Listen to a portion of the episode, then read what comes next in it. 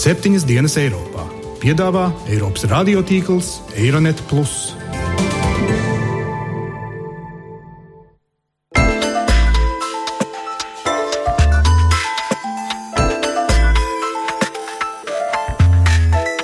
Šonadēļ septiņas dienas Eiropā dzirdēsim. Trieciens nav tikai pret francūžiem, tas ir pret mums visiem. Les attaques terroristes d'une ampleur sans précédent sont en cours dans l'agglomération parisienne.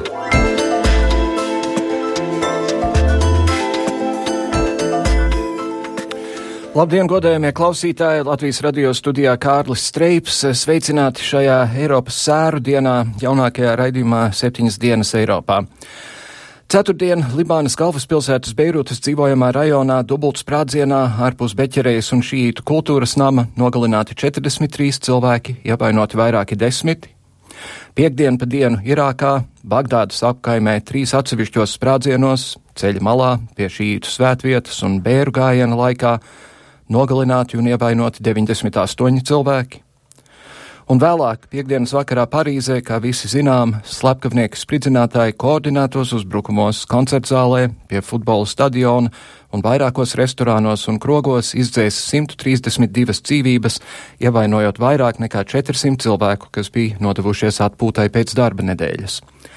Par visām šīm slepkavnieciskām akcijām pret civiliedzīvotājiem atbildību uzņēmušies tā dēvētās Islāma valsts teroristi, oficiālā vēstījumā brīdinot, lai šī būtu mācība Francijai un citām līdzīgām nācijām, tās tagad nonākušas Islāma valsts mērķu saraksta augšgalā, ap jums smakos nāvi tik ilgi, kamēr turpināsit savu krustneša kampaņu. Tālāk šodien raidījumā runāsim par Parīzes melnās piekdienas terora aktiem un par pēdējā laika islāma valsts stratēģijas maiņu, vai karš tiek pieteikts arī ārpus tuvo austrumu reģiona.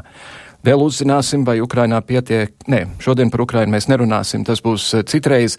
Šodien uzklausīsim viedokļus par to, kā traģiskie notikumi Parīzē liek Eiropas Savienības valstīm pārskatīt drošības un robežu jautājumus.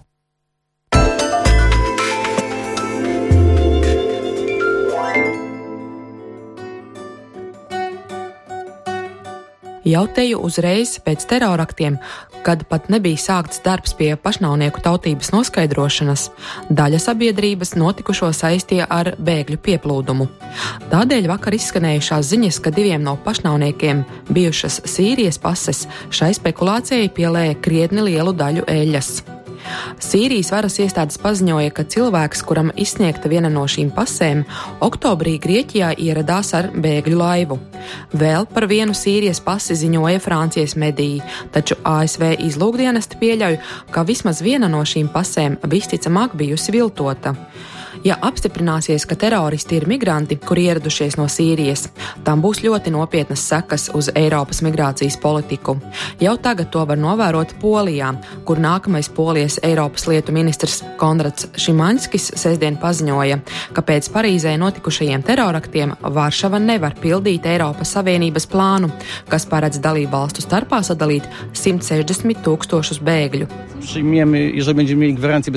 Mēs pieņemsim bēgļus tikai, ja mums būs drošības garantijas. Tas ir galvenais noteikums, un šobrīd jautājuma zīme tiek likta pie šī jautājuma visā Eiropā. Saskaņā ar kvotu sadales sistēmu Polijai būtu jāuzņem 4,5 tūkstoši bēgļu, taču tagad šis skaits ir zem jautājuma zīmes.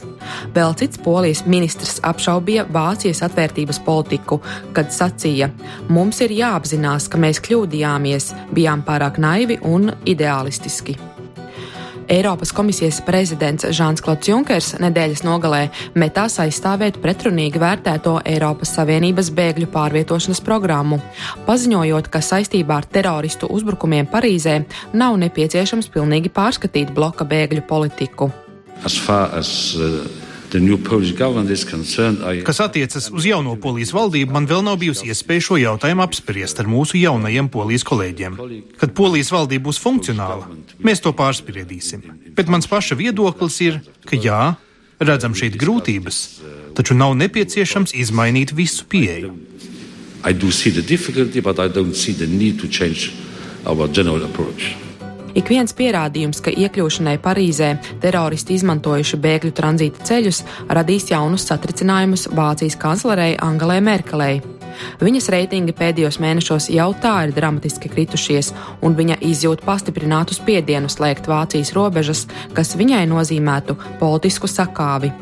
Ja Vācija nolems slēgt robežas, tas attieksies uz visām valstīm, un sekas būs jūtamas sākot no Vācijas līdz pat Balkāniem un Grieķijai.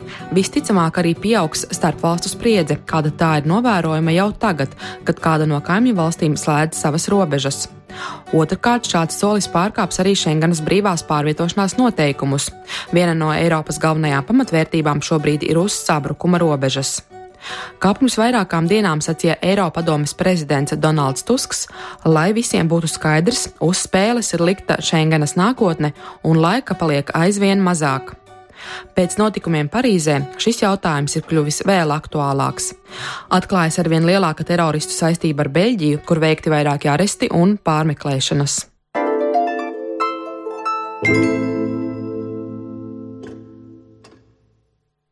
Lai gan Francija līdz šim ir veikusi uzlidojumus pret islāma valsti pārsvarā Irākā, reti bombardējot mērķus Sīrijā, Piektdienas terora aktu laikā Parīzē spridzinātāji stāstījuši upuriem, ka tieši prezidenta Olāna Sīrijas politikas dēļ izvēlēta Parīze. Olāns pēc, pēcāk arī brīdināja, ka tagad karš ir pieteikts, viņš solīja vērsties pret barbāriem bez žēlastības, un tāpēc jau svētdien Francija skaidri vēstīja par savu apņēmību, ka tās gaisa spēki veica vairākus uzlidojumus Islāma valsts komandas postenim, džihāda vervēšanas centram, ieroču un munīcijas noliktavai un teroristu apmācības nometnei Rakas pilsētā Sīrijā. Pasaules līderi, to starp prezidents Obama un Krievijas prezidents Putins, svētdien pulcējās augstākā līmeņa G20 sanāksmē Turcijā un sprieda, kā koordinēti reaģēt uz islāma valsts darbības paplašināšanos, ilgstošo pilsoņu karu Sīrijā un izrietošo masveidu emigrāciju no šī reģiona. Ir skaidrs, lai efektīvi cīnītos pret šo ļaunumu, visai starptautiskai sabiedrībai jāvienojas kopīgos pūliņos. Tā Putins teica paziņojumā no Turcijas, kamēr viņa atbalstītāji pabeidza uzsākto domu ar šādu jēdzienu. Ir nepieciešams steidzami izbeigt konfliktu starp rietumiem un Krieviju par notiekošo Ukrainā. Kā īsti mums saprast šos jēdzienus ISIS, ISIL, Islāma valsts vai Daesh kā mums labāk dēvēt šo terora organizāciju, kas guvusi milzu atbalstu un iekarojusi plašas teritorijas tuvajos austrumos un tagad arī pieteikusi globālu karu. Vai aiz teroristu nesenajiem vārdiem un darbiem nolasāma kāda īpaša vēsts, vai tā ir tikai daļa no veiksmīgas stratēģijas, komunikācijas un iebiediešanas taktikas? Par šīm tēmām vēlamies šodien studijā spriest ar NATO Stratkom direktoru Jānis Ārtu. Labdien! Labdien! Es jums pielikšu mikrofonu mazliet tuvāk. Paldies, ka jūs ieradāties. Es pieņemu, ka jums pat labi ļoti aizņemtas aizņemts brīdis. Uh, vēl mums, uh, ja es nemaldos, pie telefona ir uh, Una Bergmane. Viņa jau vairākus gadus studēja Sorbonnā. Uh, Una, jūs mani dzirdat? Jā, es jūs ļoti labi dzirdu. Jā, labdien! Uh, sakiet, lūdzu, kur jūs bijāt tajā brīdī, tad, kad tas viss uh, sprāga un gāja vaļā? Nu, es biju, es biju Parīzē, un es nebiju gluži tieši tajā rajonā, bet es biju otrā sēnes pusē. Un, un, un, un mēs ēdām vakariņas ar draugiem restorānā, un tur arī tas bija, kur, kad, kad mēs uzzinājām kas ir noticis. Un, un tas bija, kā es teicu, tas bija tāds baiļu moments, bet arī tāds solidaritātes moments, jo tas rajons, tāpat kā 11. rajons, arī tas rajons, kur es biju, tas ir tāds rajons, kur ir daudz dažādu tautību cilvēku un dažādu reliģiju cilvēku. Un tajā brīdī viņi visi bija tikpat apdraudēti, kā, kā, kā visi bija vienlīdz apdraudēti. Un tajā brīdī bija tāds brīdis solidaritātes, kad visi kopā mēģināja saprast, ko tad mums tagad darīt. Jā, un jūs tajā brīdī, vai jūs turpinājāt ēst, vai, vai visi muka prom? Nē, nē, nu mēs katru brīdi mēģinājām saprast, ko mums darīt, vai labāk ir uh, palikt tajā restorānā un vienkārši taisīt ciet durvis un, un, un tur palikt. Uh, Uh, vai arī katram iet uz savu pusi, un tad mēs ar draugiem izlēmām, ka mēs uh, iesim pie viņiem, jo viņi tur netālu dzīvo. Tur vienkārši bija tāds ceļš, 15, 20 minūtes garš, jo nebija saprotams, kurā brīdī, kurā vietā Parīzē tas nākamais terorakts notiks. Mm -hmm. un, un, un, uh, un, un, jā, un arī par ceram, teiksim, kā Latvijā cilvēkiem bieži ir tāds skatījums, ka visi arābi, visi musulmaņi ir vienādi. Tur pa ceram pavisam noteikti cilvēki, ko mēs satikām, viņi bija arābu izcelsmes, viņi bija tikpat nobijušies kā mēs, un, un, un viņi teica, ka viņi zina, kas ir noticis, nevajag iet uz 11. rajonu pusi. sargājiet sevi. Un tā nu mēs tad laimīgi nonācām pie draugiem un, un, un viss beidzās, viss beidzās labi. Jā, es dzirdu jums fonā skan sirēnas. Es pieņemu, ka pēdējās dienās tas ir bijis diezgan ierasti. Jā, es, es to, to, mēs, to mēs dzirdam nemitīgi. Es esmu birojā uz Žermēnu bulvāru, bet mums nemitīgi braukā garām uh, policijas mašīnas, un, un, un tas, tas tā vienkārši dienās nepārtraukti. Jā. Kā, kāds ir kopējais garstāvoklis, kāda ir, ir vide šodien Parīzē? Es zinu, ka bija diezgan liels piemiņas brīdis, klusuma brīdis. Jā, tik, tikko bija, bija, bija tas klusuma brīdis, ko, ko visur, visur mēs, teiksim, um, uh, universitātē arī, arī sapulcējāmies un, un, un minūtes, to vienu minūti pieminējām, pieminējām cilvēks ir gājuši bojā, un, un, un tad arī dziedāja himnu, un tas bija tāds brīdis, kad visi varēja pabūt kopā un dalīties katrs tajā savās pārdzīvojumos. Bet tas noskaņojums Parīzē, nu, kā jau saka, no vienas puses cilvēkiem ir bail. Mm -hmm. um, mums ir pilnīgi normāli, tad šā laikā e, ir tā, tas noskaņojums ir tāds, ka pat ja mums ir bail, mēs nedrīkstam parādīt, ka ir bail. Tas, me, tas, ko cilvēki mēģina darīt, ir darīt līdzīgi kā otrā pasaules kara laikā, kad bombardēja nacistu Londonu. Tad Briti ir, ir slaveni ar to savu um, to savu augstasinību, ka viņi centās turpināt dzīvot tā, kā viņi ir dzīvojuši. Un tad tagad arī Parīzē cilvēki cenšas turpināt dzīvot tā, kā viņi ir dzīvojuši. Teiksim, runāju ar draugiem, kas jau sestdien teica, ka viņi ies ārā, viņi ies ārā ar bērniem, viņi ies uz Republikas laukumu, nolikt ziedus. Jo Republikas laukums no vienas puses turpat blakus notika tie, viens no tiem uh, uzbrukumiem, un no otras puses Republikas laukums ir tas, kur notika tā milzīga manifestācija pēc uh, Charlie Hebdo teroraktiem. Mm -hmm. Un cilvēki tur atkal iet un noliek ziedus, noliek svecītes. Uh, policija ir aicinājusi, jo valsts ir izsludināts ārkārtas stāvoklis, tāpēc cilvēki ir aicināti to nedarīt, nepulcēties. Jo tas, kā, ja vairāk ir daudz cilvēku pulcējās vienā vietā, tad tas, protams, ir ļoti viegls mērķis teroristiem. Bet cilvēki tāpat to dara, lai parādītu, ka viņiem nav bail. Bet, ja viņiem kaut kur dziļi sirdī, protams, ir bail. Teiksim, tajā pašā rajonā, kur ir republikas laukums, ir tas tā sauktais marē kvartāls. Un vakar vakarā tur bija tāds brīdis panikas kad kaut kas notika un sākās masu panika, un cilvēki vienkārši sāka skriet pa ielu, domājot, ka kaut kas notiek. Uh, iespējams, kāds vienkārši kaut kur bija kāds troksnis, nu, kaut kāds pārpratums tas bija, bet, bet tas parāda to, ka pat ja cilvēki iziet ielās un viņi, un viņi cenšas būt drosmīgi, bet nu, dziļi iekšēji jau viss ir tāds saspringts. Mm -hmm. Vai jūs domājat, ka ilgtermiņā kaut kas Francijas sabiedrībā tagad mainīsies? Nu, to ir grūti pateikt. Um, To ir grūti pateikt, tāpēc, ka tie notikumi vēl ir tik neseni. Un, un, un, um, un tās izmaiņas, protams, tas, par ko tiek runāts, bet par ko tiek runāts jau ilgi, ir tas, uh, kā novērst to, ka, teiksim, ir jauni, um, ir jauni uh, musulmaņi, jauni cilvēki. Um, un atkal, kā jau reizes, tie nav visi musulmaņi. Tie ir daļa jaunu cilvēku no, no, no, um, no bieži vien nelabvēlīgiem sociālajiem slāņiem, kuri ir, eh, kur ir stājušies kontaktos ar šo Daešu vai Aisilu.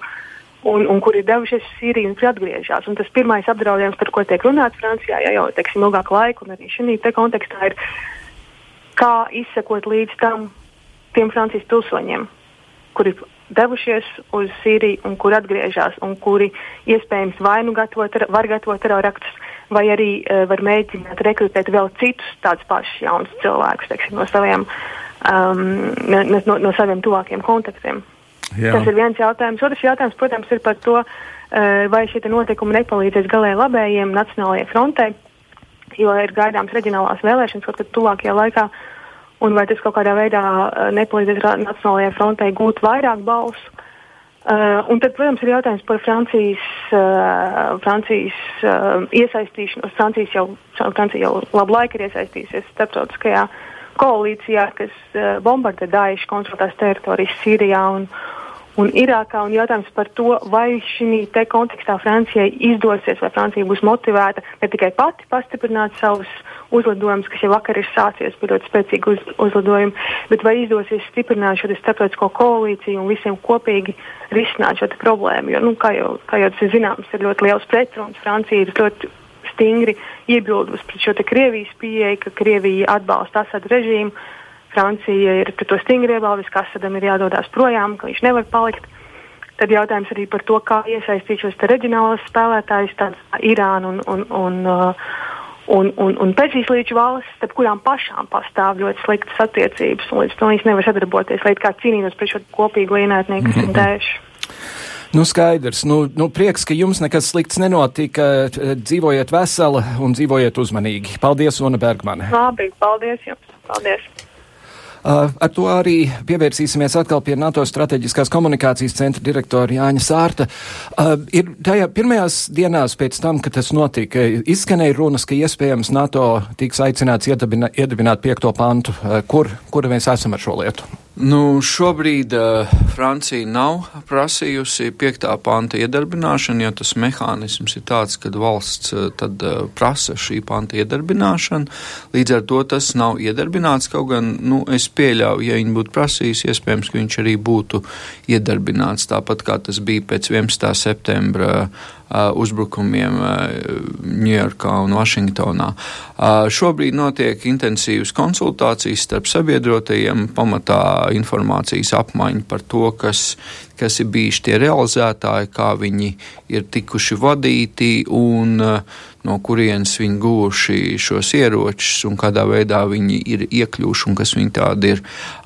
Nu, tālāk, es domāju, būs tālāk pastiprināta konsultācijas par to, kā risināt Sīrijas, Irākas jautājumu. Es domāju, ka vismaz prognozējot, ka diez vai tādā pat līmenī tā operācija paliks, kāda viņa ir bijusi līdz šiem uzbrukumiem. Es pieņemu, ka būs lielāka iesaiste no NATO valstu puses mēģinājumā teiksim, satriekt šo te daišu viņa pozīcijās uz vietas Sīrijā un Irākā.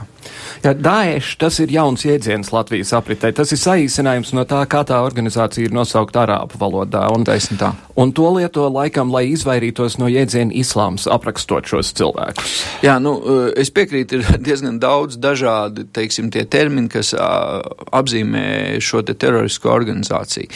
Nedaudz paskaidrošu, kāpēc mēs izmantojam Daesh. Principā mēs esam jau teju gadu pētījuši šīs organizācijas darbību informācijas laukā. Tuvāko nedēļu laikā mūsu pētījumi tiks publiskoti, un tas, ko mēs redzam, viņi ļoti apzināti sev mēģina dēvēt par islāma valsti rietumu mēdījos. Arābu valodā viņi sev dēvē par kalifātu. Mm -hmm. Un tas ir daļa no tā, kamdēļ viņi kļuvuši tik veiksmīgi iepratīm citām um, teroristu organizācijām islāma pasaulē ir, ka viņi parādīs šo ambīciju, ka mēs nebūsim tikai vienkārši eh, parasta terorista organizācija, mēs veidosim valsti. Principā viņu teiksim, tā galējā ambīcija ir globāla islāma valsts, 2020 plānos ietilpst pusi no Eiropas. Uh -huh. uh, nu, un līdz ar to, lai leģitimizētu šo, viņi izmanto šo islāma valsts jēdzienu, kaut gan, protams, ne viņa valsts, viņi ir vienkārši terorista organizācija. Savukārt mēs pētījām, nu, kā tad viņus sauc viņu pretinieku reģionā.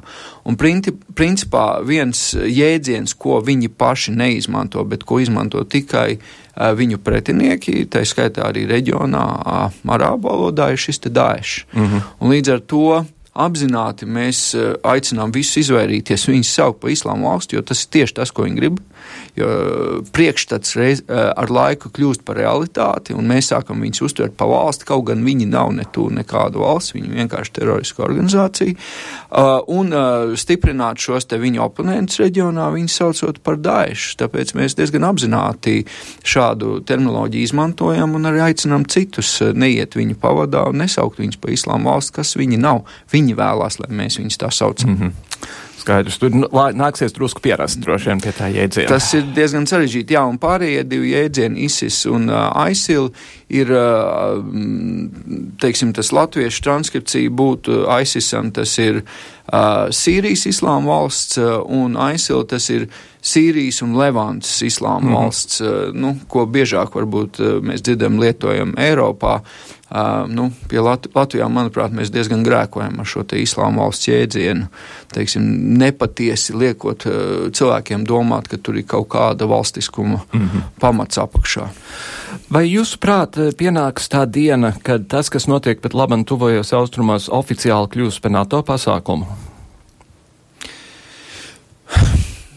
To nevar izslēgt, bet tas nav arī viennozīmīgi apgalvojams, jo situācija ir pietiekami sarežģīta un tie risinājumi nu, teiksim, tur nav tādu baltu vai melnu risinājumu.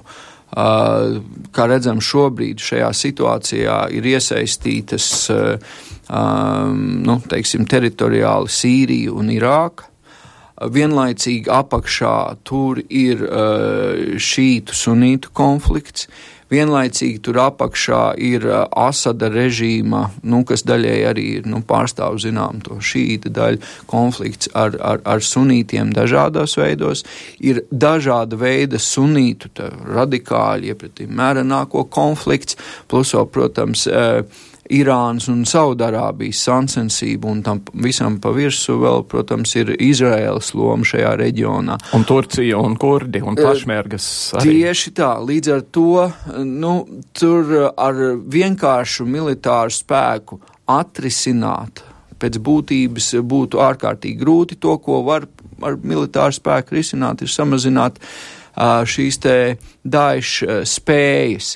Un ja mēs atceramies pašu Alkaidu, un viņas likteni vienā brīdī viņi arī bija ļoti spēcīga organizācija, spēja uzorganizēt uh, uzbrukums uh, ASV, pēc tam Parīzē, atvainojos Madridē, pēc tam Londonā, bet nu, šobrīd viņi ir savā ziņā nu, izčākstējuši. Tas, tas ir pateicoties ilgstošiem, teiksim, mērķiecīgam darbam no dažādu valstu puses, viņas pēcdienas, gan arī militāro, lai samazinātu šo spēju šai organizācijai darboties. Mhm. To, es domāju, mēs varam izdarīt, bet vai tas atrisinās tuvu austrumu problēmu, nu, diez vai.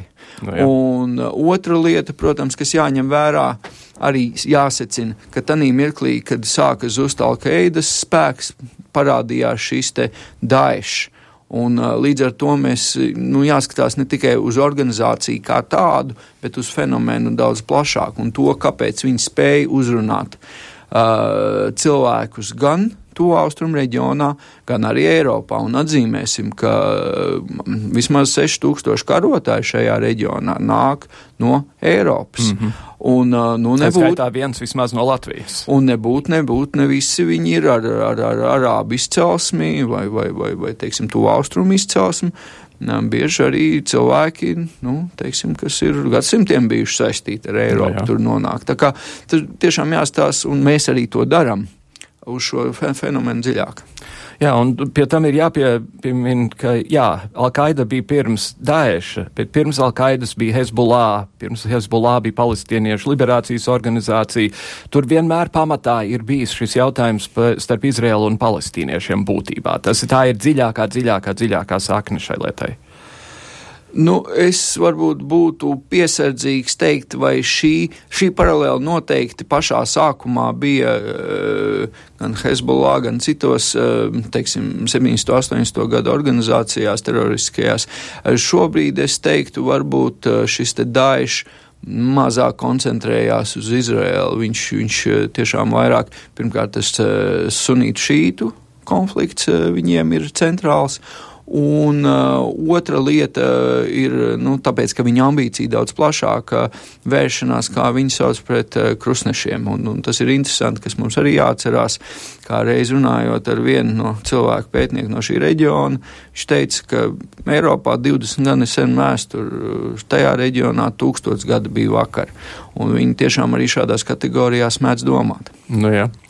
Vai, vai NATO cenšas uzrunāt tā, tās, tā reģiona valstis? Piemēram, ir daudz runāts par to, ka Persijas jūras līča valstīm kopumā ir kaut kur 5 miljoni karavīru, kuri vispār nepiedalās visā šajā procesā, ja nu vienīgi, ka Saudārābija kaut ko dara uh, Jemenā un, un Irāna kaut kā tur ņemas. Nu, tur vienmēr jāatcerās arī, ka iekšēji tomēr ir diezgan liels pretruns vismaz Saudārābijā kā valstī. Nu, teiksim, tā saucamie vahabīti, kas mēģina iegūt ar vien lielāku ietekmi, un, un, un valdošā ģimene, kas mēģina noturēt savas pozīcijas, kas bieži vien arī izskaidro tādu ārkārtīgi piesardzīgu status quo saglabāšanas tādu politiku no Saudārābijas. No, no NATO puses, nu, es nevarētu teikt, ka ir tāda plaša izvērsta kopēja NATO politika, bet atsevišķas NATO valstis, tā skaitā Francija, Lielbritānija, Itālija ir ārkārtīgi aktīvs um, valsts, kas, uh, nu, teiksim, uh, realizē savu politiku tos austrumos, nu, pamatā mēģinot, protams, limitēt šo te briesmas, kas varētu nākt terorismu vai citās formās uz Eiropu. Mm -hmm. Kā drošības organizācija, es pieļauju, ka NATO būtu, vai, vai NATO būtu priecīga, ja Eiropas valstis atjaunotu robežu kontrolas savās, valst, savās uh, valstīs, jo uh, ir ziņots, ka viens no galvenajiem cilvēkiem tajos Parīzes uzbrukumos, viņš izspruka no Parīzes, viņu īslaicīgi aizturēja uz Beļģijas robežas, bet palaida vaļā, tāpēc, ka tajā brīdī vēl viņu, viņu uzvārds nebija parādījies attiecīgajos sarakstos.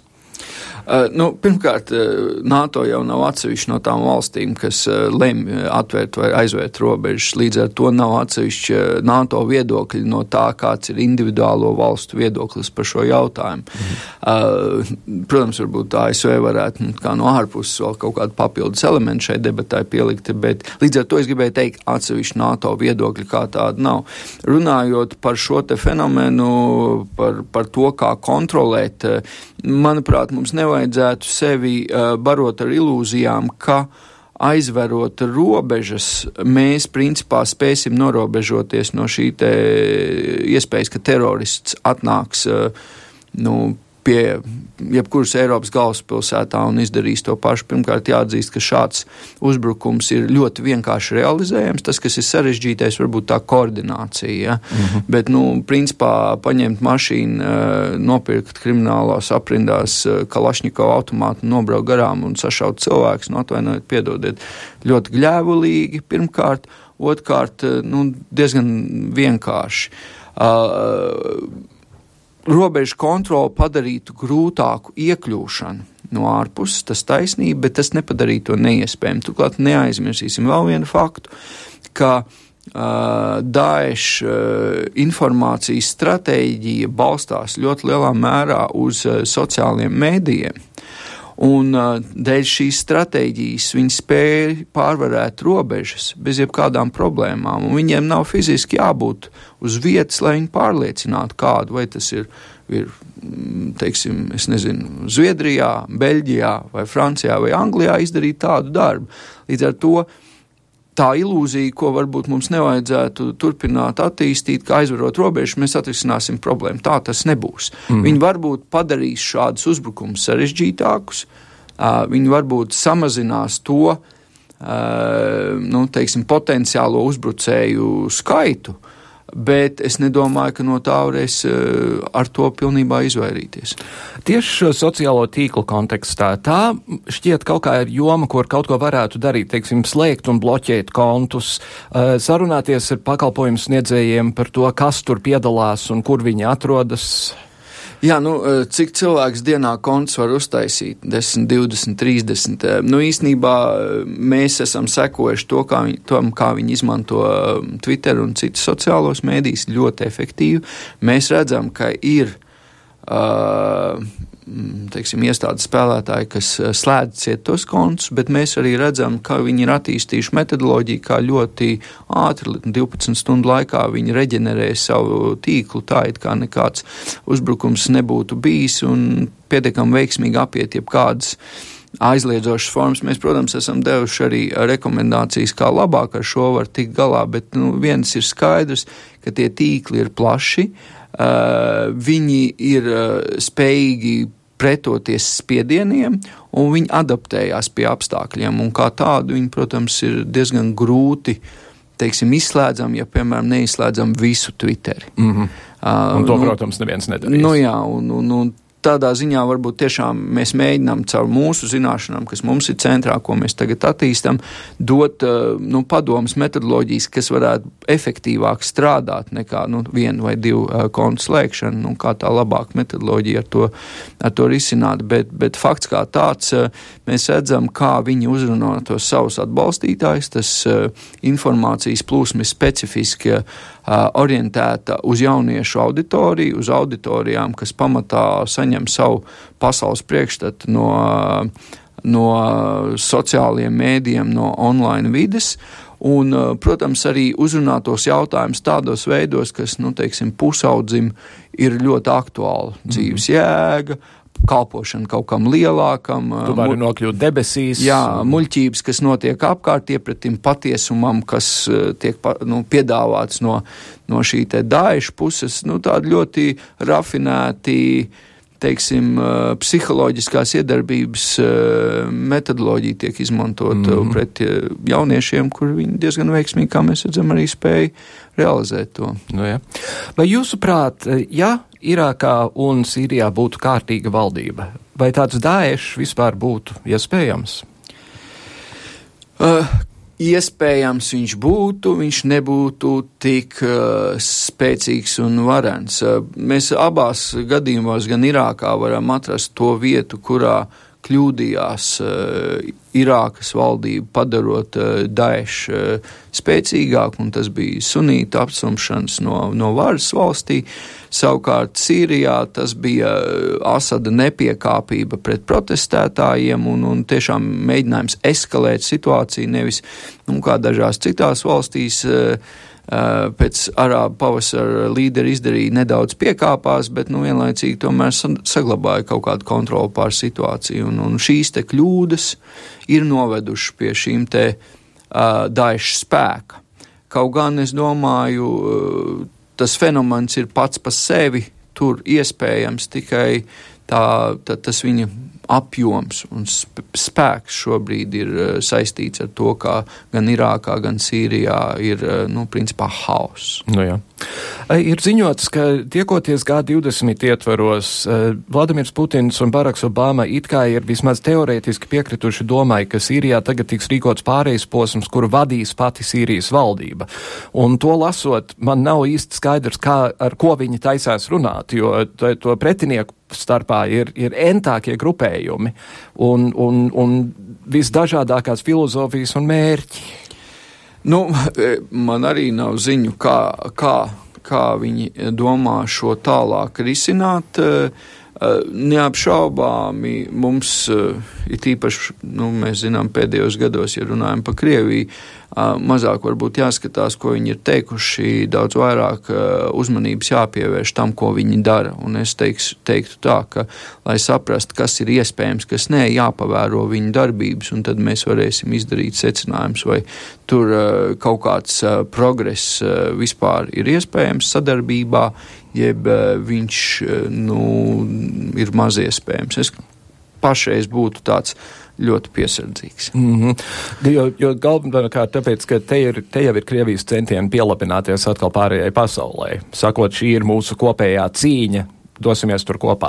Jā, vienlaicīgi, kas apbrīnojami, kad viņi šo te savu operāciju uzsāka 80% no mērķiem bija pamēra no opozīcija, kas neskat, ne tikai karoja ar Asad, bet arī ar ISIS. Uh, Līdz ar to vienā brīdī viņi pat, nezinu, apzināti vai neapzināti pastiprināja ISIS pozīcijas iepratim, piemēram, mērenajiem mhm. nemierniekiem, mm -hmm. kas, protams, arī radīja zināms efekts. Jā, pēdējā laikā viņi vairāk pievēršās ISIS mērķiem, bet Bet nu, tas sākotnējais efekts tomēr nu, bija pamatā vērsts pret mērena nemiernieku pozīcijām. Jā, nu, pietiks Dāiešams arī kaut vienu kārtīgu asinspirti Krievijā, un tas, tas arī Nu, kā redzam, izskatās, ka uh, šī, šī organizācija ir uh, šo aksinspirti jau savā ziņā sarīkojusi. Tā, tā, tā lidmašīna, kas no, nokrita Eģiptē, kurā mm -hmm. bija pilns ar uh, Krievijas turistiem, visticamāk ir šīs organizācijas roku darbs, bet Manuprāt, teiksim, šāda veida uzbrukumi varētu nu, teiksim, būt arī abstrakti no, no, no teiksim, kaut kādas rīcības, nu, lai viņi varētu to realizēt. Uh, Es nedomāju, ka valsts obligāti būtu jā, jābumbo. Mēs skatāmies uz Parīzi. Nu, Parī, nu, Francija nav bijusi tā aktīvākā teiksim, tā, gaisa uzbrukumu dalībniece. Un bet, Amerika ir tālu. Jā, nu, līdz ar to nu, daļa no šī daiša mērķiem ir kļūt par, um, nu, par, par organizāciju, par kuru visi runā. Um, īsnībā tā ir liela daļa no viņas stratēģijas, jo, kā jau es teicu, viņa ambīcijas ir nu, teiksim, ļoti lielas. Viņi negrib būt vienkārši organizācija, viņi grib sev, lai visi viņus redz pa valsti, un kalifāts būtībā ir pat lielāks par tikai valsti. Un, lai šo te attaisnotu, lai cilvēki tiešām ticētu, ka tas ir iespējams kaut kas tik ambiciozs, viņiem vajag, lai par viņiem runā. Tāpēc tās publiskās, uh, publiskie galvas ciršanas uh, gadījumi, kur tiek uh, video uh, retranslēti, gan, gan, gan seksa vergu pārdošana, tas viss ir radīts ar domu, lai mēs par to runātu. Un pie atbalstītājiem tas rezonē, ka tiešām šī ir varena organizācija, par kuriem visi runā, un tāpēc viņi tiešām var kaut ko mainīt savādāk nekā jebkur cita mm. terorisma organizācija. Tā kā, tāpēc viņi šajā teroristisko organizāciju konkurencē šobrīd uzvar. Nu jā. Kas ir oficiāli un skaidri zināms par to, cik lielā mērā Daesh mēģina šeit iepludināt savus cilvēkus caur to bēgļu plūsmu? Ja vispār kas? Ne, no, tā bēgļu plūsma ir milzīga. Principā, protams, ir tādi sākotnējie jautājumi par to, nu, tas konflikts ir tomēr labu laiku Sīrijā, tāpat Irākā. Un kāpēc tieši šobrīd ar vien pieaugošāki šie bēgļu plūsmas nāk mūsu virzienā? Uh, Bet, principā, tas, kas, nu, acīm redzam, tā ir tīrā loģika, kas starp viņiem ir pa kādam šim cilvēkam no, no Daesh bet viņiem der arī tas, ja mēs uzskatām, ka viņi visi tādi ir. Jo, jo protams, tas mūs sašķeļ mūsu, uh, mūsu debatēs Eiropā, tas sašķeļ valstis savā starpā, sabiedrības iekšienē, un jo vairāk mēs esam sašķelti, jo mazāk laika mums veltīt ir viņiem vai jebkam uz nu, ārējiem uh, apdraudējumam. Un, tā kā viņiem der gan tas, ka viņi tiek iepludināti, gan tas, ka viņi pasaka, ka viņi iepludina, un, un, un, un abi rezultāti nu, stiprina Daesh pozīcijas. Mm -hmm. Polija ir jau pateikusi, ka tā negrib vairāk bēgļus ņemt. Vai jūs varat komentēt Latvijas attieksmi pret šo? Nē, nu, es varbūt iekšējā, iekšpolitisko jautājumu šādā rakursā labāk nekomentēšu. To, ko es gribēju teikt, ka uh, šobrīd visi izrāda solidaritāti ar, ar, ar Parīzi, ar, ar Franciju, un, un mēs atceramies arī citos šādos gadījumos ir viegli pirmajā mirklī izrādīt to nepieciešamo solidaritāti. Bet uh, tas, kas ir būtiski, lai mēs neaizmirstu šo te vēlēšanos palīdzēt arī vēlāk, kad būs sarežģīti lēmumi jāpieņem, kā risināt problēmas, jo uh, nu, tie bēgļi ir Eiropas robežās. Mm -hmm. Eh, viņus gluži vairs nav kur nolikt, ja tu nepārkāp ļoti nopietni cilvēktiesības. Un šie jautājumi ir šeit un tagad ir, un, un ir uz rokām. Eh, nu, mēs nevaram ieslēgties savā gliemežvākā un uzskatīt, ka Eiropa spēs noturēties, ja mēs nemēģināsim, nu, teiksim, nospēlēt savu konstruktīvu lomu teiksim, kopējā Eiropas stabilitāte. Es tāpēc nesaku, ka mums vajag vai nu atvērt visas robežas bēgļiem, bet mums jābūt racionāliem savos lēmumos. Un jāspēj paredzēt, kā šie lēmumi ietekmēs ne tikai kā mūsu kā atsevišķu valsti, bet arī Eiropu kopumā. Jo neaizmirsīsim, ka mūsu drošība Latvijā, Baltijas uh, reģionā ir atkarīga no tā, cik vienoti mēs esam kā Eiropa, kā NATO. Un tādā mirklī, kad šīs, ja šīs institūcijas irst, mūsu individuālā valsts drošība strauji pazeminās. Un to mēs To nevajag aizmirst. Eh, T tam ir jābūt racionālam lēmumam, tur jābūt izsvērtiem visiem plusiem un mīnusiem, un, un, un, un to vajadzētu neaizmirst arī šo solidaritāti, ko mēs tagad cenšamies izrādīt arī ilgtermiņā, kad būs šie grūtie lēmumi jāpieņem. Jā. Ar to arī, diemžēl, mums ir jābeidz mūsu saruna. Nu, cerēsim, ka viss būs labi. Būs. Droši vien, ka būs grūti, bet uh, Nu, per asperās ad astras, jau caur ekšķiem pie zvaigznēm. Jā, tā ir skaitā Kansas štata moto Amerikas Savienotajās valstīs. Jānis Sārts, NATO stratkom direktors. Paldies jums par sarunu. Paldies. Ar to mums arī beidzas mūsu raidījums šodien, dāmas un kungi. Galvenais, ko šajā lietā atcerēties, ir, ka tie dāieši cilvēki ir teroristi. Viņi ir salīdzinoši maza grupiņa, no kā neko nevar secināt par kopējiem musulmaņiem, par kopējo islāmu un visu pārējo. Un katrā gadījumā tas nenozīmē, ka mums tagad vajadzētu būt histēriskiem attiecībā uz bēgļu jautājumu vai jebko citu. Paldies, ka šodien klausījāties līdz nākamnedēļai. Visu labu!